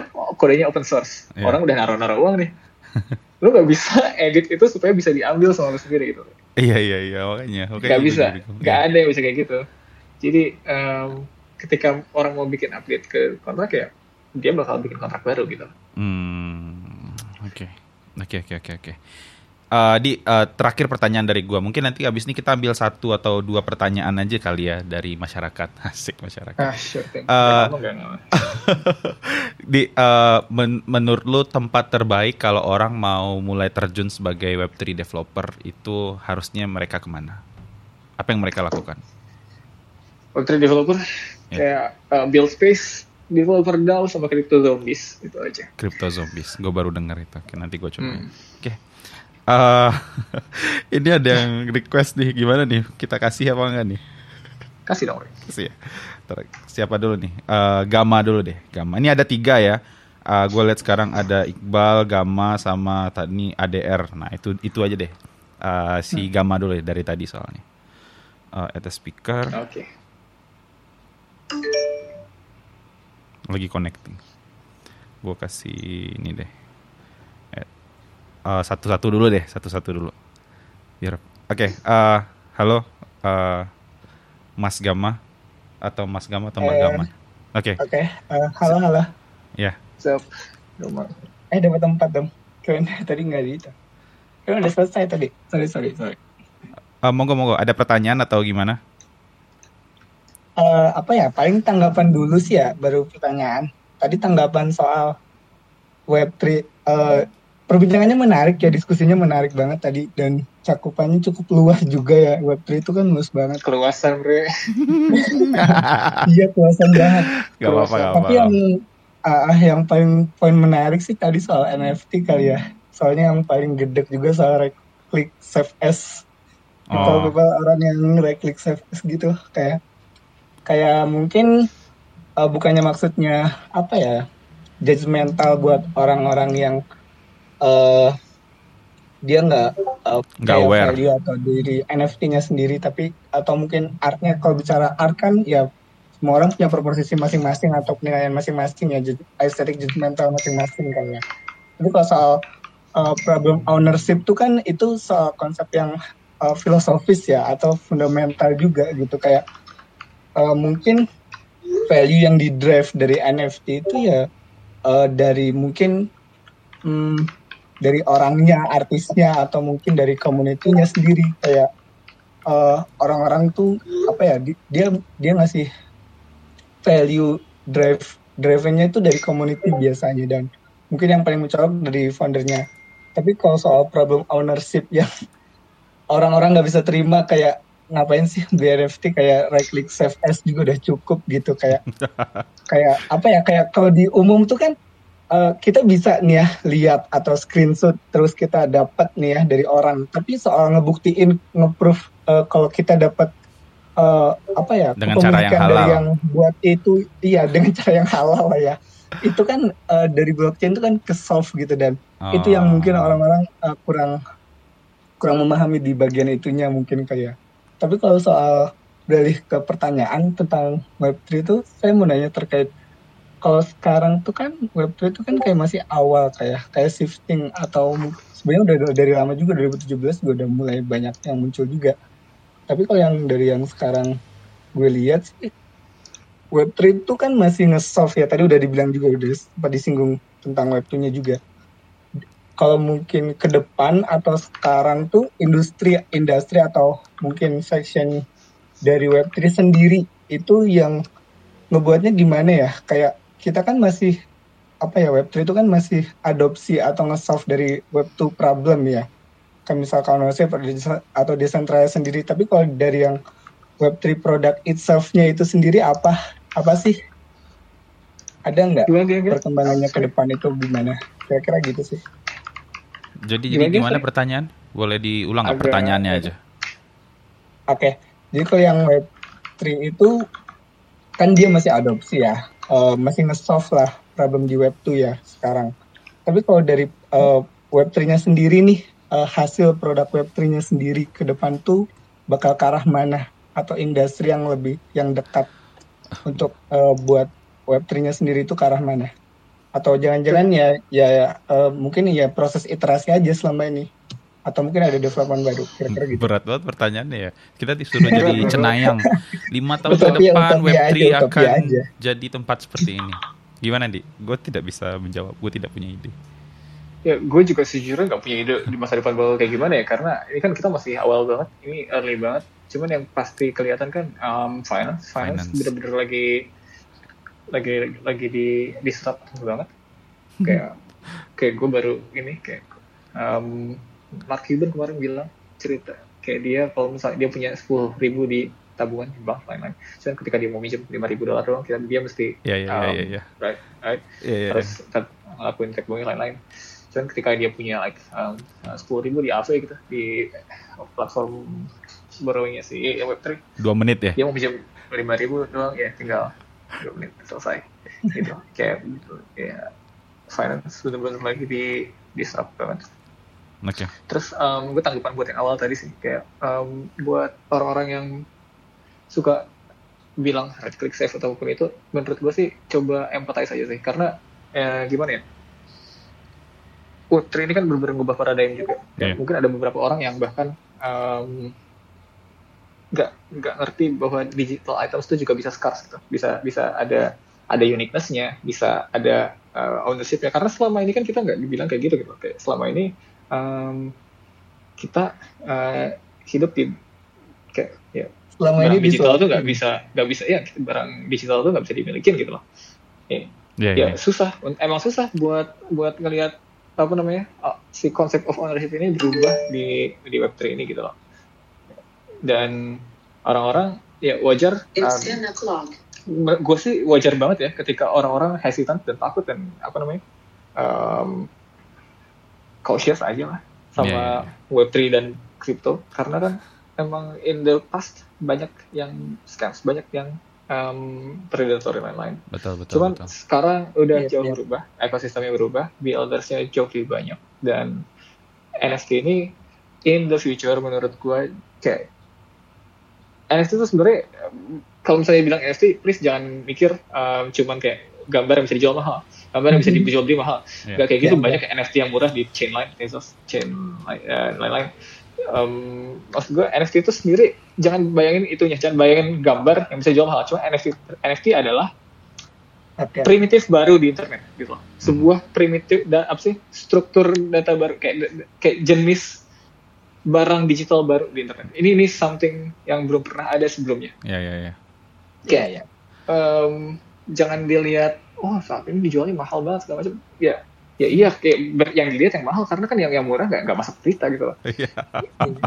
iya betul banget. Kemarin tuh ada yang gini di. Hmm. Jadi kan gue nge-tweet tentang uh, apa podcast gue gue masukin OpenSea ya gue gituin kan. Terus ada yang nge-tweet, ada yang ngebuka OpenSea terus dia nge-screenshot uh, gambar NFT. Terus tiba-tiba ada yang ngegas uh, hey don't screenshot NFT Wuh, terus gue terus gue langsung manjir ini orang sampai ngegas-ngegas gini ya. Jadi saya, ya. sejujurnya kalau misalnya emang into semua web3 itu pasti jangan bercanda gitu loh. Kayak tahu juga kayak di screenshot video pun beli amat gitu. Iya makanya. Ada militan-militannya juga jangan-jangan. Tapi thank you ya Gama ya. Uh, eh, gue take satu okay, lagi deh. terima kasih semuanya uh, nah ini nih. Bal. Bentar lagi connecting dia Iqbal satu lagi siapa ya? Coba deh Iqbal biasanya panjang nih bisa sampai jam 11. Bal, lang langsung aja Bal. Halo, halo. Halo, halo. Ya, halo. Uh, mungkin uh, kenal dulu ya sama Odi. Maksudnya gue kan belum belum pernah kenal sama. Salam kenal. Kalau sama Imre sih udah kenal tiap hari ketemu. uh, ya. Uh, tapi gini nih, uh, uh, mungkin buat Odi terutama uh, ya karena uh, baru uh, kita baru bertemu uh, posisi gue kontra jadi gue perlu disclaimer dulu. Katakanlah gue skeptis gitu ya. Gue gue skeptis terhadap uh, Web3 dan dan teknologi kripto secara umum gitu ya. Dan buat orang yang baru kenal gue biasanya kalau ngedengar gue berargumen bisa dianggap sengit bahkan sinis gitu. Jadi ya mohon maaf dulu in advance gitu ya. Kalau intinya gue ngomong apa pun tidak bermaksud kayak menyerang lo personal tapi karena gue skeptis gitu terhadap teknologi ini. So uh, okay. uh, minta dulu dulu dia juga skeptis di. dulu apa? dia juga skeptis di sama apa yang dikerjain sekarang di. Tahu-tahunya dia menyenangi apa yang dia kerjakan sekarang. Dulu gue juga skeptis sama oh, iya, crypto dan menurut gue juga butuh sih skeptisisme terhadap teknologi baru jelas butuh. Skeptisisme terhadap teknologi baru jelas butuh Ya, ya, oh ya itu, thank you Imre ngangkat itu. Jadi enggak sebenarnya tahun 2015 tuh gue termasuk orang yang pak sangat skeptis terhadap kantor tempat gue bekerja sekarang, but here I am. So iya, iya makanya maksud gue uh, anyway, anyway, ya uh, gini.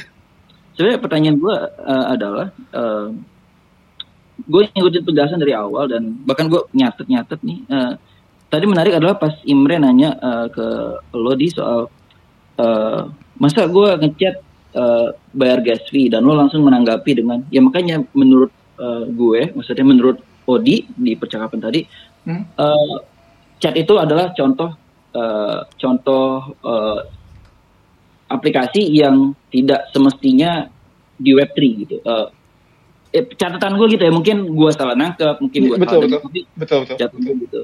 Sebenarnya uh, nah ini uh, ini yang, yang bikin gue wonder sebenarnya apa sih yang uh, tapi uh, habis gue nanya ada kayak rentetannya sedikit lagi sebelum itu uh, pertanyaannya adalah sebenarnya apa sih yang menurut lo appropriate untuk Web3 karena karena uh, dalam pandangan gue Web3 ini ide-ide uh, yang berkembang tentang Web3 sejauh ini yang gue dengar itu jalan mundur bukan jalan maju menurut gue. Nah di ini skeptis gue. Ambil contoh tadi uh, perdebatan tentang uh, NFT untuk musik atau NFT untuk podcastnya Imre gitu ya. Menurut hmm. gue uh, kemajuan uh, apa yang yang yang uh, kemajuan yang berhasil dilakukan oleh uh, industri kita saat ini adalah kita tuh benar-benar uh, democratizing a lot of things gitu ya. Maksud gue ambil contoh Twitter gitu. Sebelum Twitter, gue nggak bisa dengan uh, gampang mengakses isi kepalanya Kelsey Hightower, isi kepalanya Imre Nagy uh, gitu. namanya? Imre Nagy gitu. ya intinya dan uh, ketika ada ada Twitter, uh, semua orang tinggal klik follow Kelsey Hightower, ya dia dapat tuh apa ada uh, Kelsey tweet apa dan jujurnya banyak banget yang gue pelajarin dan maksudnya kayak tiap Kelsey Kelsey kan dia skeptis juga terus dia suka kadang-kadang gue lagi baca paper ini. Oh Kelsey baca paper itu? Gue download. Ya meskipun nggak mungkin baru level download download download bacanya belum. Anyway. Nah, uh, uh, dan uh, tapi dengan contoh tadi gitu ya yang yang uh, lo sampaikan gitu ya menurut gue uh, saat ini paling nggak di kepala gue Web3 ini lebih cocok untuk uh, eksklusif collectible gitu dan tidak cocok untuk mass market uh, dan itu tentu lo boleh boleh bantai ya. ambil contoh tadi ya misalnya podcast Imre gitu ya gue tuh uh, misalnya kalau ketika gue dengar podcast Imre sebenarnya kan gue pengen dengar podcast Imre bukan karena gue berharap value dari episode podcast itu naik di masa depan gue pengen denger podcast Imre karena gue pengen tahu apa yang ada di isi kepala Imre karena menurut gue isi kepalanya menarik gitu Amin. dan sebenarnya uh, gue seneng kalau saya misalnya gue seneng sama podcastnya Imre gitu ya. Uh, gue pengen lebih banyak orang dengerin podcastnya Imre lagi gitu. Dan hmm. das, uh, doesn't have anything to do dengan bahwa gue pengen dapat enggak gue nggak pengen dapat royalti dari kalau ada orang lain denger. Enggak gue ini pikiran bagus loh. Uh, that's basically retweet button gitu kan. Retweet button adalah ketika kita ngelihat ide di Twitter yang menurut kita bagus dan orang lain harus tahu gitu. Maka kita retweet kan gitu. Yeah. Uh, yeah. karena itu menurut gue uh, Web3 ini uh, uh, kayaknya uh, kayaknya pada apa ya uh, aplika, uh, uh, aplikasinya sangat sedikit terutama pada eksklusif collectible yang mana bahkan menurut gue di web 2 itu bisa uh, bisa di solve dengan lebih baik yaitu uh, dengan model-model seperti Patreon misalnya. Karena yang gue lihat satu-satunya yang membedakan uh, Patreon dengan model beli NFT adalah uh, Patreon gak ada nilai spekulatifnya gitu. Maksudnya menurut gue kenapa orang uh, oke okay, gue gue memahami orang yang pengen beli karyanya Pinot karena pengen nge-support Pinot. I totally understand that gitu karena itulah hal yang gue lakukan ketika gue beli jersey Juventus gitu kan. Maksudnya sebenarnya nggak masuk akal uh, selembar baju itu harganya uh, yang original sekitar 124 uh, euro gitu tapi gue beli anyway dan gue beli itu dikirim dari Eropa yang ongkosnya mahal fine itu karena gue pengen nge-support Juventus gitu ya uh, gue paham kenapa lo pengen nge-support Pinot gitu maksudnya uh, uh, but again in most market yang gue lihat adalah sebenarnya orang ngebeli dengan ekspektasi harga valuasinya naik gitu dan itu spekulatif menurut gue. Oke uh, oke. Okay, okay. Gitu sih. Gitu. Ya, mantap. Okay, ini pertanyaannya tuh udah panjang banget. Sorry. Jadi kayak gue bakal jawab agak panjang juga. Ini last question kali ya. Uh, ya boleh lah, boleh lah. Karena udah. Atau, gua, eh, ada eh, satu lagi sih yang pengen gue masukin. Boleh nggak? Oh boleh. Nah ya dah. Dari lo atau gimana? Nggak ada uh, Mbak Ali. Nanti okay. abis ini gue. Maksudnya sekarang atau? Nggak nanti abis ini. Gue takut lupa apa yang gue ngomongin. Uh, lu jawab dulu aja yang uh, lu komentarin dulu aja Iqbal. Oke, okay, ada beberapa poin. Poin pertama ada video bagus dari apa namanya uh, interviewnya Bill Gates di David Letterman tahun 90 sekian. Bill Gates di sana ditanya apa namanya um, sama David Letterman ditanya kayak uh, internet buat apa internet? Gitu. Kayak uh, ditanya kayak kalau lo uh, ini David Letterman bilang Bill Gates lo bilang um, di internet itu bakal ada orang yang nge-broadcast um, um, orang main baseball gitu. Terus kayak iya gitu kata Bill Gates terus kayak um, kata si David Letterman das radio ring a bell? Kayak kita kan udah punya radio juga buat apa kayak gitu. Hmm. terus Bill Gates semua audiens ketawa di sana. Kayak semua ketawa kayak David Letterman memang lucu terus kayak semua orang ketawa. Um, Bill Gates bilang kayak uh, Bill Gates juga ketawa. Dia bilang um, uh, ada perbedaan beberapa gitu. Salah satu perbedaan pertamanya adalah di internet. Um, lo bisa ngedengerin um, baseballnya tersebut kapan pun lo mau gitu. Terus ditanya dijawab lagi sama si itu si David Letterman. Kayak tes tape recorder yang bell dan semua orang ketawa lagi gitu kayak kayak tape recorder juga ada gitu. Uh, radio juga ada dan itu bisa dilakukan juga sama teknologi yang udah ada. Cuman kayak waktu zaman itu ya orang belum kebayang aja. Kayak kalau misalnya the the improvement yang dibawa sama internet bisa sebagus itu. Karena kita tahu sekarang kayak kita enjoy uh, everything in, on internet ya jauh lebih bayangin kayak 100 kali lipat lebih enjoyable dibanding kita enjoy pakai radio atau si um, tape recorder tadi itu um, anekdot yang pertama. Kedua adalah um, gimana fungsi web kayak, kayak buat apa pakai web gitu? Um, gue pertama pengen minta Mas Iqbal imagine dulu si public ledger tadi. Ketika kita punya public ledger yang cryptographically secure dan uh, distributed. Apa yang bisa dicapai sama itu? Kayak um, bahasan di situ aja bisa panjang banget. Kayak bener-bener open up possibility yang baik banget. Kayak internet uh, menurut gua seharusnya kayak gitu. Bener-bener open. Dan ya tadi uh, kartografiknya secure. Uh, sebenarnya uh, boleh boleh boleh. Enggak tapi uh, abis lo gue mau nanggapin dikit boleh ya? Tapi, nanti tapi. Lo selesai dulu aja Oke. Okay. oke. Okay. ya, ya ntar mungkin bisa sekalian dijawab juga kayak kira-kira ada ada kegunaannya nggak sih public ledger yang cryptographic ledger dan distributor ini open question aja kayak mungkin kalau misalnya sekarang belum dapat jawabannya mungkin in the future bakal dapat uh, open question. Terus um, um, web3 dipakai buat apa? Web3 dipakai yang paling penting buat menurut gua saat ini finance. Balik lagi finance. Um, saat ini uh, finance banking system itu dipegang sama bank bank yang centralized. Bank yang centralized itu upkeepnya besar sekali. Besar buat apa? Besar misalnya buat uh, lending.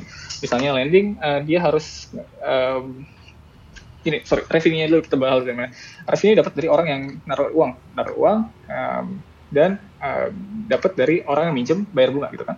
Orang yang naruh uang dapat bunga kecil orang yang minjem uang dapat bunga besar gitu. Um, dan ini dipakai buat apa? Uang tersebut. Uang tersebut dipakai kayak selisih antara si bunga kecil yang didapatkan sama lender dan dan uang yang dibayarkan sama borrower dipakai buat apa? Dipakai buat um, ya banyak aktif gede banget aktif buat CEO banking berapa banyak? I don't know. Kayak CEO dan petinggi-petinggi dan lain-lain. Retailers beli um, rumah beli saya beli sorry properti dan lain-lain dan mereka harus membuat image yang trustable di masyarakat dengan spending a lot of money untuk um, bangunan yang megah. Acara-acara besar bagi-bagi hadiah. Bullshit menurut gua. Um, ini ada value yang besar banget yang di capture sama bank yang centralized dan kita nggak bisa publicly audit. Bank benar-benar ngambil value yang ya keterlaluan banget besarnya dan ini semua apparent di Web3. Ketika di Web3 kita uh, banking system beberapa baru dan lending dikerjakan sama smart contracts. Smart contracts yang bisa ngasih uh, APY yang gede banget. Double digit is small in crypto. Bener-bener kayak uh, double digit buat ketika kita naruh uang di sana dan kita apa namanya um, dapat bunga dari si smart contract si buat baru lending tersebut bunga double digit itu kecil banget. Kenapa ya? Ya emang emang segitu kayak value yang tadinya di capture sama companies dan co-founders dan board members dan dipakai foya-foya dan dipakai buat hal yang upkeep yang menurut gue nggak berguna. Sekarang semua bisa dilakukan secara trustless dan automatically uh, dan semua value-nya di capture sama pengguna, pengguna dan community. Kayak um, salah satu kegunaan Web3 yang terbesar ada di situ menurut gue. Yeah. Disrupting finance is like the biggest thing dan um, ini yang ditakutkan sama bank-bank seluruh dunia dan kayak bahkan nation states. Gitu. Um, terus kalau misalnya tadi pertanyaan simpel yang tentang buat uh, um, NFT-nya Pinot dan misalnya NFT-nya podcastnya Imri no one says that. Kayak ketika minta apa namanya ketika ngejual NFT kita nggak kita stop Patreon ya enggak ini justru nggak pernah possibility di mana orang-orang yang pengen um, ada skin in the game-nya gitu loh. Kayak saat ini kalau misalnya kita retweet ya kita nggak ada reward apa apa selain retweet dong betul. Sementara kalau misalnya betul, orang yang itu. punya sementara kalau misalnya orang yang punya NFT uh, NFT-nya Imre karena dia punya karena dia like actually owning the thing secara program material owning the thing jadi buktikan bahwa dia owning ketika kita punya sense of ownership kita bakal jadi beacon kita bakal jadi speaker dan kita bakal jadi kayak menyebarluaskan. Ini makanya kenapa kita semua sering dengar kayak orang-orang Web3 itu um, benar-benar evangelizing the tech karena kami semua di sini owning the things. Kayak aku dapat uh, token dari INS, dari um, DNS yang buat Web3.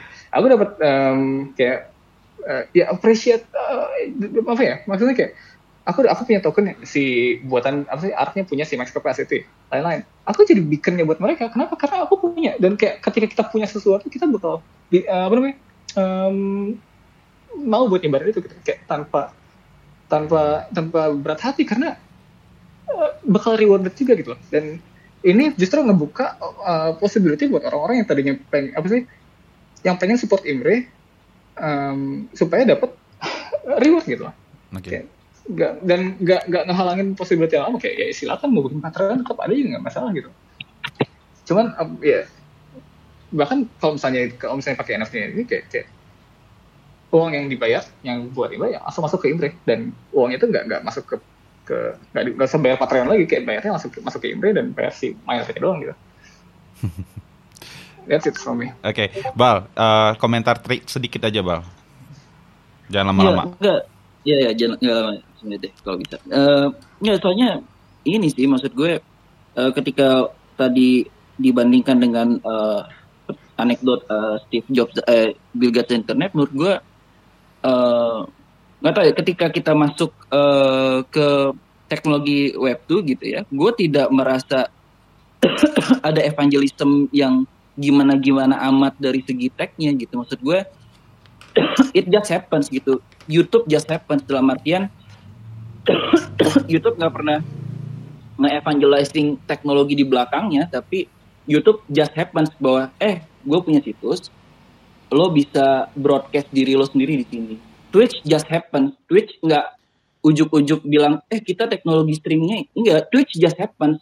Ini ada lo kalau mau main game, pengen ditonton orang dan lo bisa uh, orang nge ngebayar lo bahkan dari situ, lo bisa ini lewat situs kita gitu. Maksudnya yang gue lihat saat ini di discourse terkait Web3 uh, eh, masih beratnya adalah di di tagnya gitu. Maksudnya kayak tagnya ini loh padahal sebenarnya con consumer rarely cares about that dan uh, dan di saat ini frankly speaking gue ngelihat Web3 ini orang ngomong tagnya tapi gue jarang banget ngelihat apa sih yang yang consumer bisa pakai gitu dan oleh karena itu gue melihat Web3 seperti a solution looking for a problem itu menurut gue.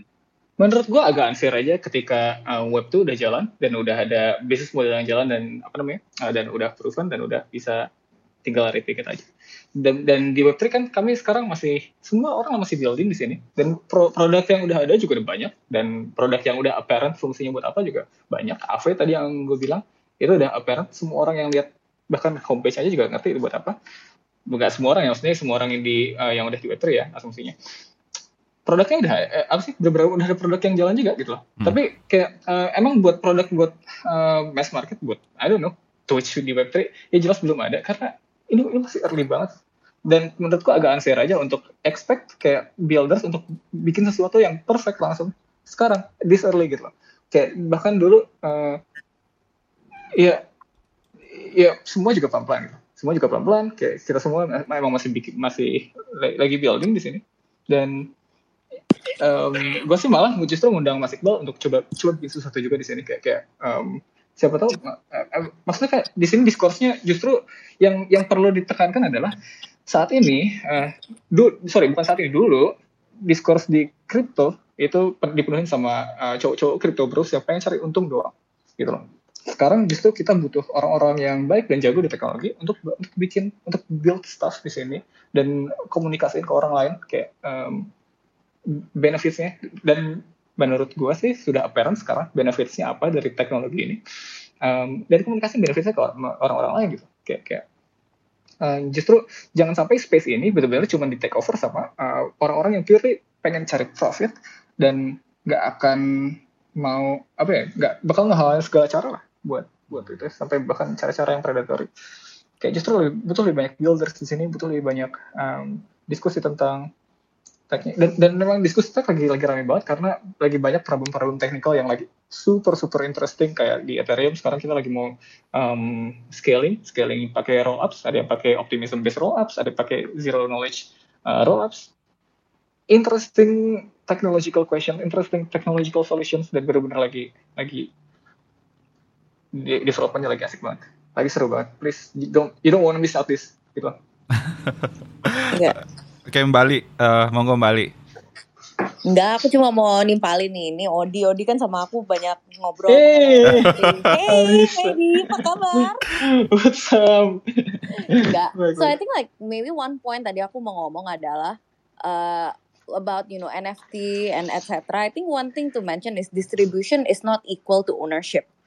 Meaning that uh, satu foto orang bisa lihat semua tapi ownership is a very different thing. Karena ownership means that you can utilize it. For example uh, kalau kita contoh kayak board ape a really good example is you actually have the copyright to use it on for example kamu mau bikin kopi uh, gambar logo board ape tuh kamu boleh. So that's one really good example.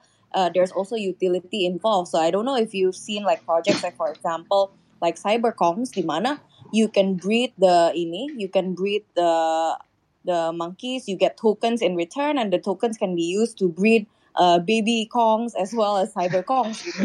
Itu kayak CryptoKitties bukan sih?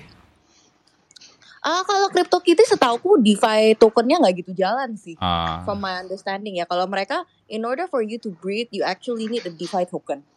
My understanding ya, and the DeFi token is actually worth kalau nggak salah satu banana tuh worth at one point 300 dolar And I think that's a very interesting in the fact that you are able to create communities tailored based on which NFT usage. Ini misalnya contoh uh, Mas Prasdiman contohnya dari Bali yang bikin Superlative Secret Society. Uh, oh iya, yeah, yeah. was a really good example of NFT utility di mana if you bought that NFT whenever you come to Bali you get the access to the NFT gallery in person. And I think those are really interesting yeah, ways for us to support uh, creators. Di mana kalau yang dulunya kreator misalnya contoh dia kalau Patreon kan um, I think is a much more fixed fee ya. You can only capture a moment in time. Di mana for uh, for uh, let's say a creator using that NFT tiap kali dia resale dan resale fee itu kan go tiap kali resale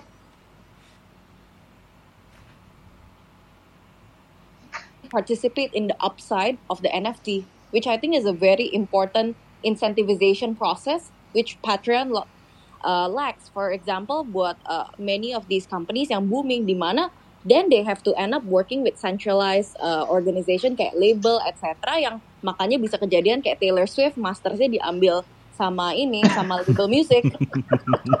It's true.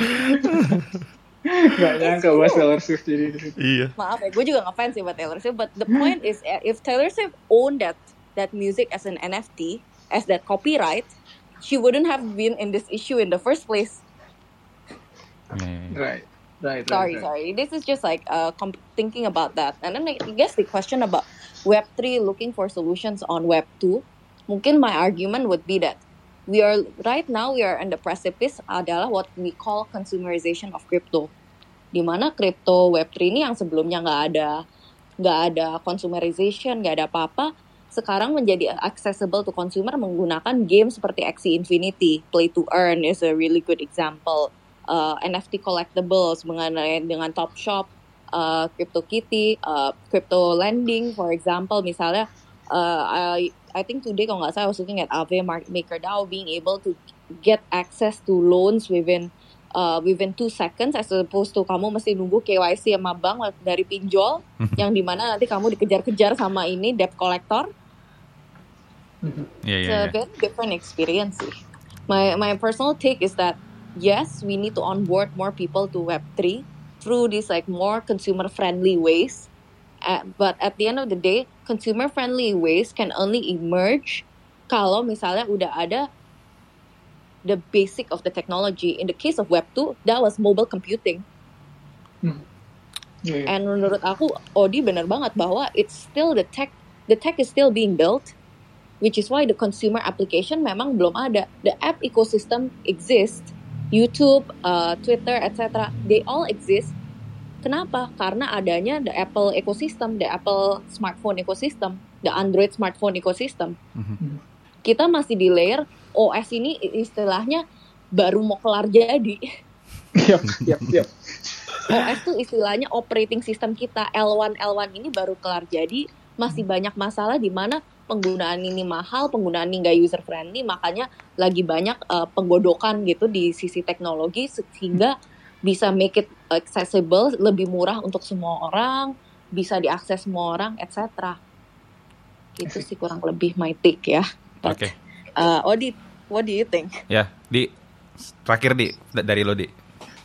Terakhir dari gue kayak super well said sih buat buat gue dari Mbak Alisa kayak um, suka banget. Um, betul, emang bener kita mesti ini masih di early banget. Kita belum ada the the the mobile computing teknologinya kayak buat web tuh kita belum ada di situ. Kita emang lagi buat itu justru dengan si uh, layer 2 kayak si Zikr Labs, Optimism Based Labs dan lain-lain. Dan emang lagi butuh banyak engineers banget. Dan justru ketika apa namanya kayak problems ini muncul kayak berarti ada demand berarti ada uh, ada validasi juga di situ gitu loh. Kayak ada kebutuhannya juga gitu loh.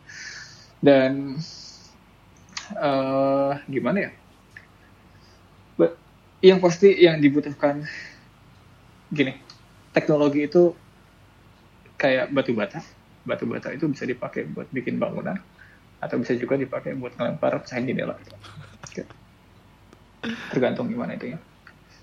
Um, dan apa ya sebuah platform itu ya bakal dikuasain sama orang-orang yang membuat platform tersebut. Jadi dan menurut gua Web3 itu Pandora's box-nya udah kebuka.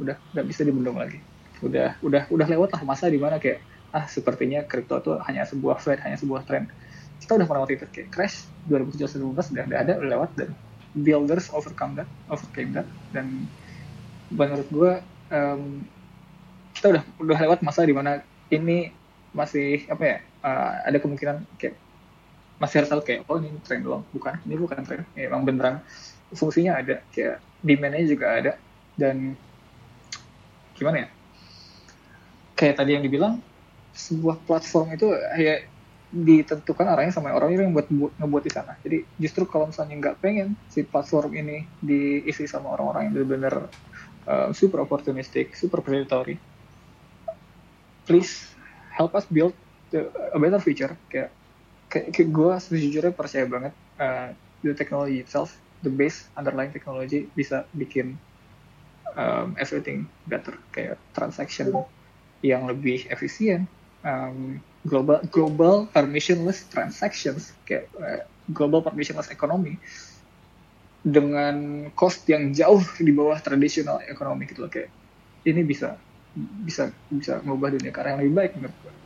Kayak kenapa kalau banyak orang mikir kayak gitu kayak, kayak ketika dia lihat, ketika ditelaah emang emang emang bisa emang bisa gitu. Gue percaya feature itu dan gue percaya feature itu pasti dibuat sama orang-orang yang yang yang baik lah. Kayak nggak cuma jago secara teknologi aja cuman kita butuh banyak orang-orang yang baik di sana di space ini. Mantap sekali. Oke okay. uh, eh, gue melewati 30 menit dari janji gue ke Odi. Awalnya satu jam. Nggak apa-apa ya dia? No problem. Oke okay. uh, eh, ada beberapa orang lagi sebenarnya yang pengen ngobrol tapi mohon maaf karena semakin malam. Uh, jadi mudah-mudahan nanti kita ada kesempatan lain. Uh, makasih Odi Iqbal Bali Gama yang udah uh, menyampaikan pendapat masing-masing. Dan kalau menurut gue uh, perbedaan pendapat itu ya biasa-biasa aja dan uh, gue setuju sih poin di mana teknologi itu sebenarnya yang uh, perlu kita perhatikan sekarang. Karena gue sendiri gue tuh sebenarnya nggak takut uh, foam uh, gue tuh ah gue jadi nggak dapat profit karena uh, gue nggak invest dan segala macam. Karena pada nyatanya gue juga nggak invest. Tapi yang gue takut adalah gue jadi nggak tahu teknologinya itu seperti apa. Makanya sekarang kenapa gue bikin uh, Twitter Space ini pun sebenarnya karena gue pengen tahu sebenarnya untuk masuk ke teknologi itu apa aja sih yang perlu diketahui. Dan mudah-mudahan teman-teman di sini ada 300-an orang yang non, uh, dengerin. 370 tadi oh, sempat gue lihat.